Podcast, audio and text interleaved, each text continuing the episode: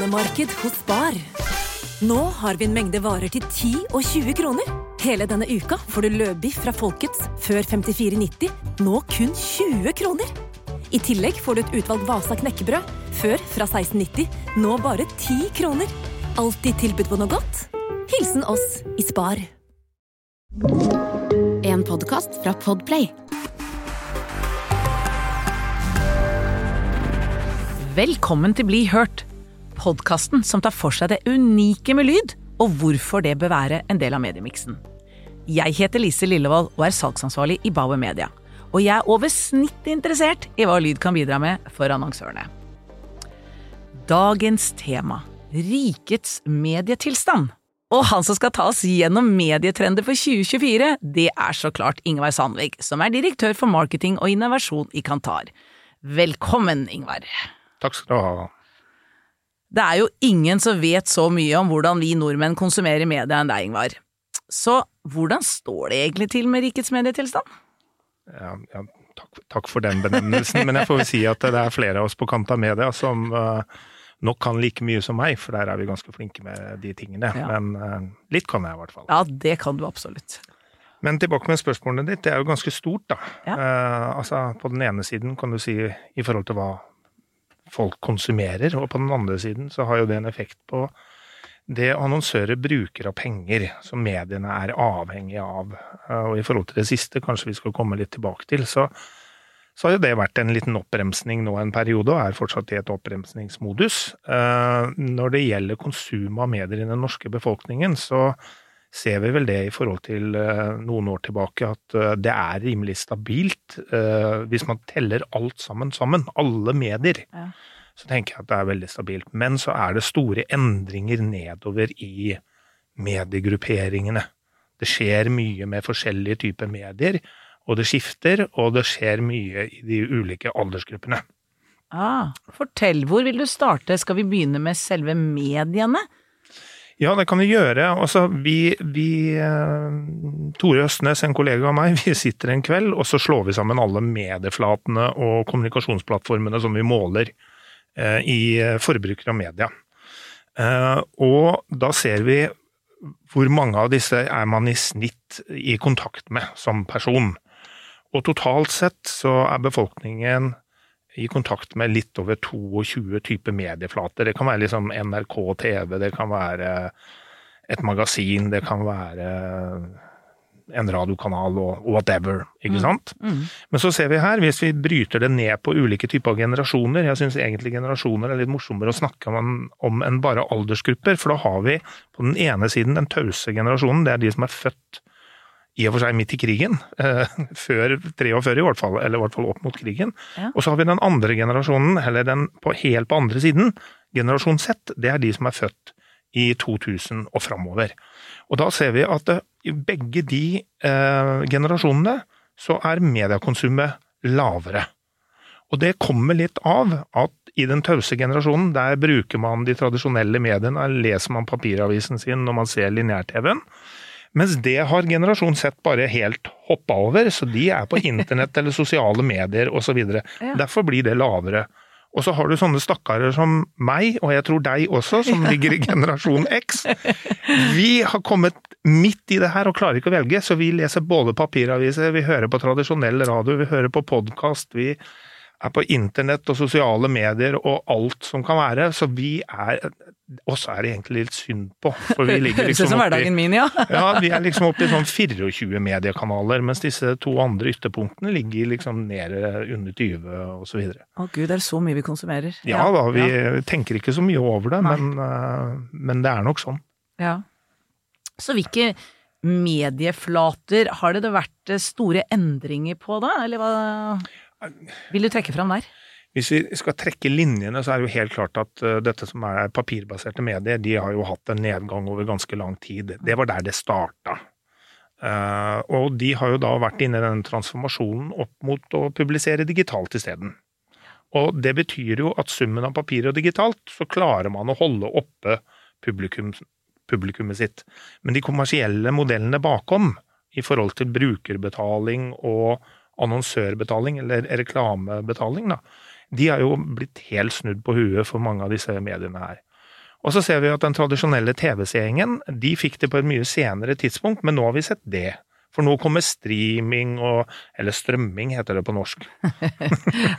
Eh, nå kommer det og overtar, og så ser vi at lineær-TV-en også har begynt å miste grepet. Så her er de inne i den samme transformasjonen som de tradisjonelle avishusene var i en tid. Og så kommer eh, sosiale medier opp, og så forsvinner litt sosiale medier også. De har ikke forsvunnet, men For det er store endringer der også, er det ikke det? da? ja, Facebook var jo liksom den første virkelige WOM. Ja. Uh, og der var det blant de aller yngste, så hadde de jo en daglig dekning ikke sant, på langt over 90% Det har eh, sunket ganske kraftig de seinere åra. Ja. eh, blant den gruppen. For nå sitter liksom foreldregruppen igjen der, da. Eh, og da har ikke ungene lyst til å være på samme festen, for å si det sånn. Kjenner, kjenner til det. Jeg har, jeg har en gen, eh, generasjon sett hjemme, og hun skal ikke på Facebook, for der er moderen og faderen i hvert fall. Ja, nei, det er ikke noe stas å være på samme festen, Nei, stort det. sett. Du nevnte det at tidligere var det 90% som var innom Facebook. Hvordan er tilstanden på Facebook eh, per i dag? Ja, Det var 90% blant de aller yngste, altså 15-29-åringene. Det har Ja. sunket nå i løpet av en syv-åtte års periode, tror jeg, ned til 67% Så de, som jeg sa, de er ikke på den festen lenger. Nei. Det holder seg ganske greit oppe blant eh, menn og kvinner sånn generelt, men, men det er, de går noe tilbake. Det samme gjør Instagram, egentlig, som også var eh, liksom litt hot en periode, og som eies av samme metakonsernet. Men det som har vært eh, den som har økt mye de seinere årene, det er jo Snapchat. Og der så vi at de unge kom, og så kommer de andre inn. Og nå kanskje er det en, en, anta, en antydning til at de unge får, forlater den festen nå, for de har hoppa over til TikTok nå, ikke sant. Det er, der er det Vi ankom Snapchat også, vi da, eller? ja, på en måte, men, Ja. men det er ikke samme konsekvensen som Facebook, tror jeg. Og så det kan nok hende at vi blir her litt Eller de blir her lite grann til. Men på TikTok så er det noe helt annet, og der er 12-17-åringene har jo 73% daglig bruk der. Så er jo det som fremfor alt er den som skyter i været der nå, da, blant de.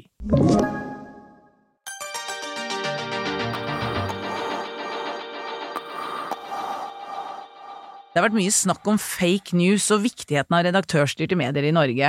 Eh, Hva tenker du om det, Ingvar? Nei, jeg tenker vel som de fleste andre av min generasjon at det er noe vi skal tenke på osv. Og, så videre, og det er noe vi ser også i våre tall. Vi spør om hva som er den viktigste nyhetskilden.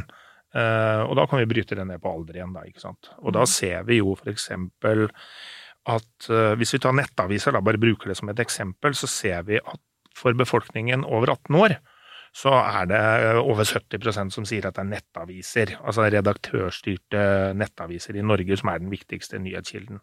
Så er det riktignok en 30% også da, som sier sosiale medier, men når vi går og ser på de aller yngste, 12-17-åringene, så er egentlig bildet nesten snudd på hodet, for der er det over 70% som sier at de sosiale mediene er deres viktigste nyhetskilde. Og da er jo det redaktørstyrte ute av veien, og når man ser nå hva slags nyhetsbilde vi får nede fra Gaza og Israel og Ukraina osv., så, videre, så det skal godt gjøres å hele tiden vite hva som er sant og hva som eh, ikke er sant, og hvem som ljuger og hvem som ikke ljuger. Eh, Og det jeg tror jeg sa det på medietrenderkonferansen vår også, at her må kanskje annonsørene også kjenne litt på. Hvem, hvem er det de har lyst til å støtte med og Rett og slett gå inn og ta et ansvar, tenker du? Ja, kanskje. Jeg prøver ikke å bli en helgen i markedet her, men, men, men liksom, ja. Hva kan man putte penger i med god og dårlig samvittighet, for å si det rett ut. Det kanskje bør man tenke litt på, for det er mange penger som forsvinner ut av landet. Eh, og som ikke ligger igjen her, og gjør at uh, Ja. Som, altså, det gir ikke den støtten til uh, til våre nasjonale medier, eller i og for seg utenlandske for den saks skyld, men redaktørstyrte.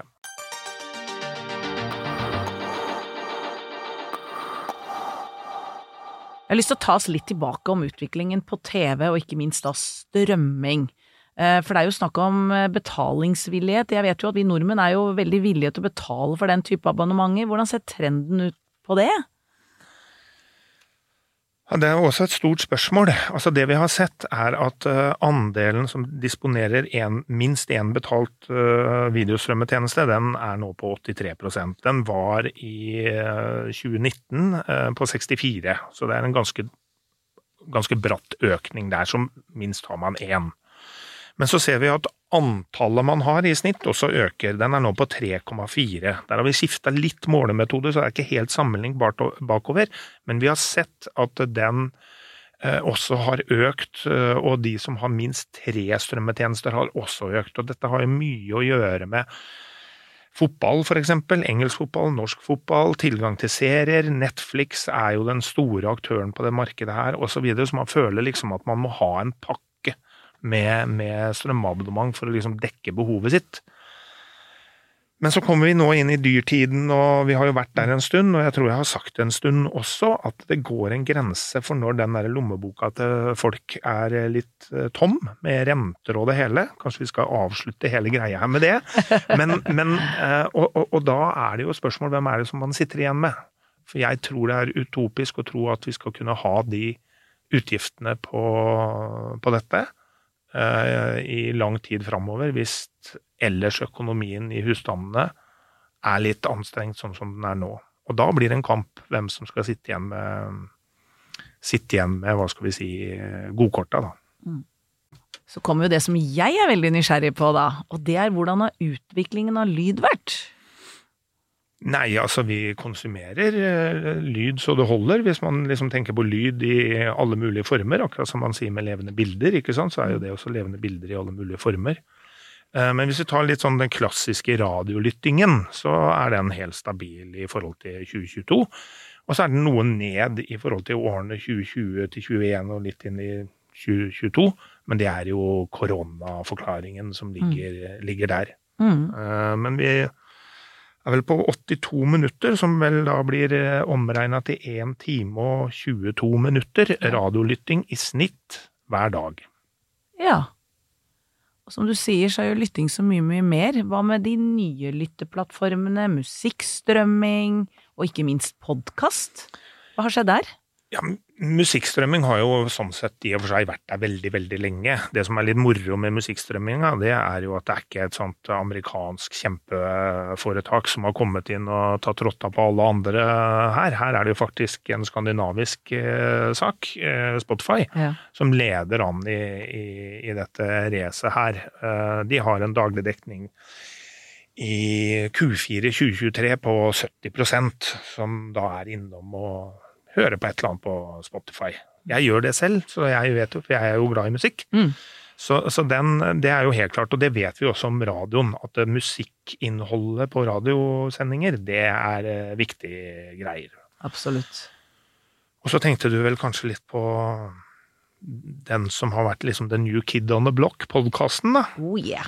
Oh, ja, ja den, har, den, den, vokser jevnt og trutt. Den, altså, man skulle nesten kunne tro at eh, alle i Norge sitter og lytter på en podkast i løpet av en dag. Sånn er det ikke. Det er eh, nå én av fem, 20% som lytter på en podkast eh, daglig. Så da er man helt oppe på og litt forbi daglig bruk av magasiner, f.eks. Så det begynner å bli litt stort. Men, og vi skal ikke lenger tilbake enn til 2019, så var den rundt 10 mm. så, så det øker jevnt og trutt. Én av tre, da, for å bruke den samme eh, benevninga her, eh, er jo da inne og lytter på en podkast eh, ukentlig. Og så er det nesten Det nærmer seg halvparten som hører på en podkast i løpet av måneden. Mm. Uh, ja. Har du noe oversikt over eh, hvem det er som lytter på disse podkastene? Ja, det har vi. Altså, vi har jo også en måling som heter Podtoppen. Alle kan gå inn på podtoppen.no, og så ser man hva som ligger der. Der ligger det måling, teknisk måling av 950 ish. Det varierer litt grann hvor mange det er. 950 podkaster. Fra de aller største til de aller minste, som nesten bare har én eh, lytter, hvis vi kan kalle det det, da. Men eh, det jeg syns er interessant, det er et såkalt longtail medium. Så det er noen få som har veldig som har, står for veldig store deler av det konsumet. Så jeg gjorde en sånn opptelling med å gå inn og ta enkeltvise uker gjennom 2023 for å se liksom på disse topplistene. Og da fant jeg ut at det var 1% av alle podkastene eh, Altså, det er topp ti-podkastene, da. Som, da for, som er 1% av alle podkaster. De står for en, en tredjedel av hele konsumet. Mm. 1% står for 33% av konsumet, og så driller jeg meg litt mer i at topp 20 står, 50, står for 50% av konsumet, og enda mer tallgymnastikk. 15% av alle podkaster står for 90% av konsumet, og regner man da 15 av øh, de 950 og et eller annet, så er man på en sånn 3-4% som står for 90% Så det er noen veldig store podkaster Ja. og populære greier der ute. Ja. Jeg var imponert av hoderegninga, jeg nå. Eller var den innøvd? Den, den var litt innøvd, eh, det skal jeg innrømme. Og det er litt morsomt når man gjør ferdig et sånt foredrag som det der og får sånne ideer at nei, dæger, nå skal jeg gå inn og så skal jeg gjøre det her. Det har aldri Drille noen gjort tallene, ja, ja. Ja, og, så gjorde jeg, og så klarte jeg ikke å dy meg, så jeg gjorde det for 2022, og det var akkurat samme tallet. Mm, ja. så det var helt unødvendig, men eh, det var gøy. Eh, hvis vi da skal strekke oss litt lenger, du startet jo med å si, Ingvar, at eh, eh, annonseomsetningen den følger jo ofte konsumeringen av mediene. Eh, hvordan har den utviklingen vært på, på annonsesiden? På reklamesiden, ja, jo, den Hva skal vi si, den har jo hatt siden 2020, som var sånn down-år. Da var den nede på øh, litt under 20 milliarder totalt sett i hele Norge. Det er IRM som gjør, øh, gjør den statistikken. Mm. Men det var jo korona, ikke sant, og så videre og så. Så spratt jo den opp til 23,6 milliarder eh, i 2021. Da var liksom samfunnet i gang igjen. På en måte, i hvert fall. Og så økte den ytterligere inn mot eh, til 2022. Da var den på 25,1 eh, milliarder. Men så har den i hvert fall prognosen for 2023, de tallene kommer 23. februar eller noe sånt nå fra IRM, de aller siste tallene. Men det er bare kvartal de mangler, så da er det samme tallet på 25,2. Eh, Så det er egentlig en stillstand i forhold til fjoråret. Og inngangen til året i år blir noenlunde det samme, og man har en prognose 2024 på 25,7 milliarder. En liten økning. Ja. Og den kommer til å inntreffe antageligvis andre halvår, hvis ikke noe annet skjer. da, Det kan jo skje mye rart. Men når man ligger så flatt i tre år, så er det jo egentlig, hensyntatt uh, lønnsvekst og andre prisstigninger, så er det jo egentlig en re realreklameinvesteringsnedgang. Det var et morsomt ord. Så, så um, en litt mer mykere landing, egentlig, i 2024 enn kanskje hva vi har hatt i 2023. Mm, Det, det tror jeg. Det, det sier de fleste at det er det man i hvert fall håper på. Så reklamepengene har stort sett vært stabile, men har det vært noe endring? Har det vært flytting av pengene eh, på de ulike mediene? Det har vært litt som det samme bildet som vi nesten starta om, med at eh, både aviser og magasiner og print og disse her eh, old legacy-mediene, de har jo tapt veldig mye penger eh, av den tradisjonelle omsetningen sin. Og så tar de igjen litt digitalt, men ikke fullt. Og så ser vi vel stagnasjoner også nå når det kommer til TV, og at andre medier tar seg opp. Kino, for eksempel, er jo en av vinnerne de to siste årene. For de gikk jo helt ned under koronaen. Så da blir man liksom fjorårets taper, årets vinner, eksempel. Mm. Men lydmediene har jo også klart seg veldig bra. Eh, Både radio som sådan eh, går jo fram eh, i hvert fall i forhold til prognosene, da. eh, En eh, 3-4 litt avhengig av om vi snakker om eh, 2023 eller prognosen for 2024. Og da er det jo podkast som har den høyeste prosentmessige veksten. I hvert fall i forhold til det som blir eh, nevnt, da. Eh, Så de, de tingene går opp. Eh, Internett fortsetter å vokse. Eh, Digital, eller digitalt, jeg liker å si digitalt mer enn internett, selv om jeg klarer å si internett nå.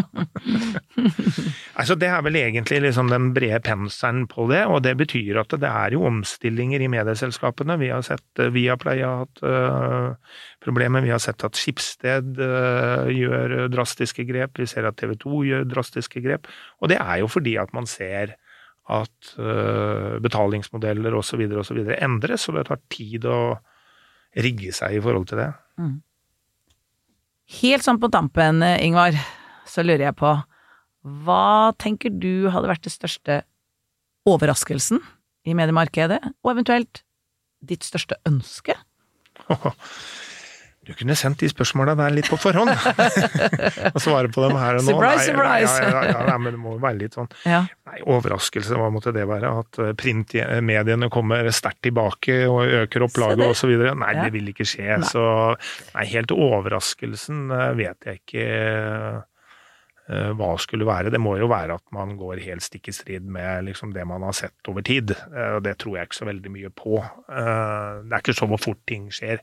Hvis ikke Apple har noe ny utklekka greier, da, for det har de jo vært flinke til sånn med noen års mellomrom. Ønsker Nei, Vi var innom det i stad. Altså, jeg ønsker at eh, norske medier skal kunne klare å, å fighte med de store, og at eh, kanskje annonsørene ser gevinsten av å gjøre det. Det blir litt sånn Kanskje litt selvsagt å si det, men, eh, men vi vet jo at med de tingene som, og endringene som har skjedd, så vet vi at man må få omstillingen.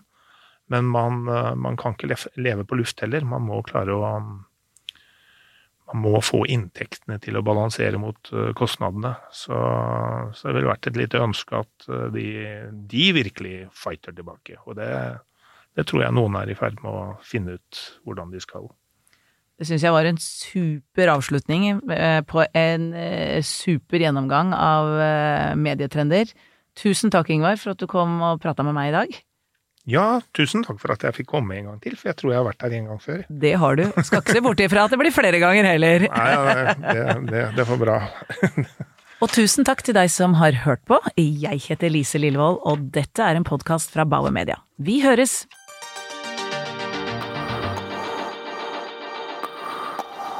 Du har hørt en podkast fra Podplay.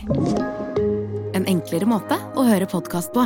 Last ned appen Podplay, eller se podplay.no.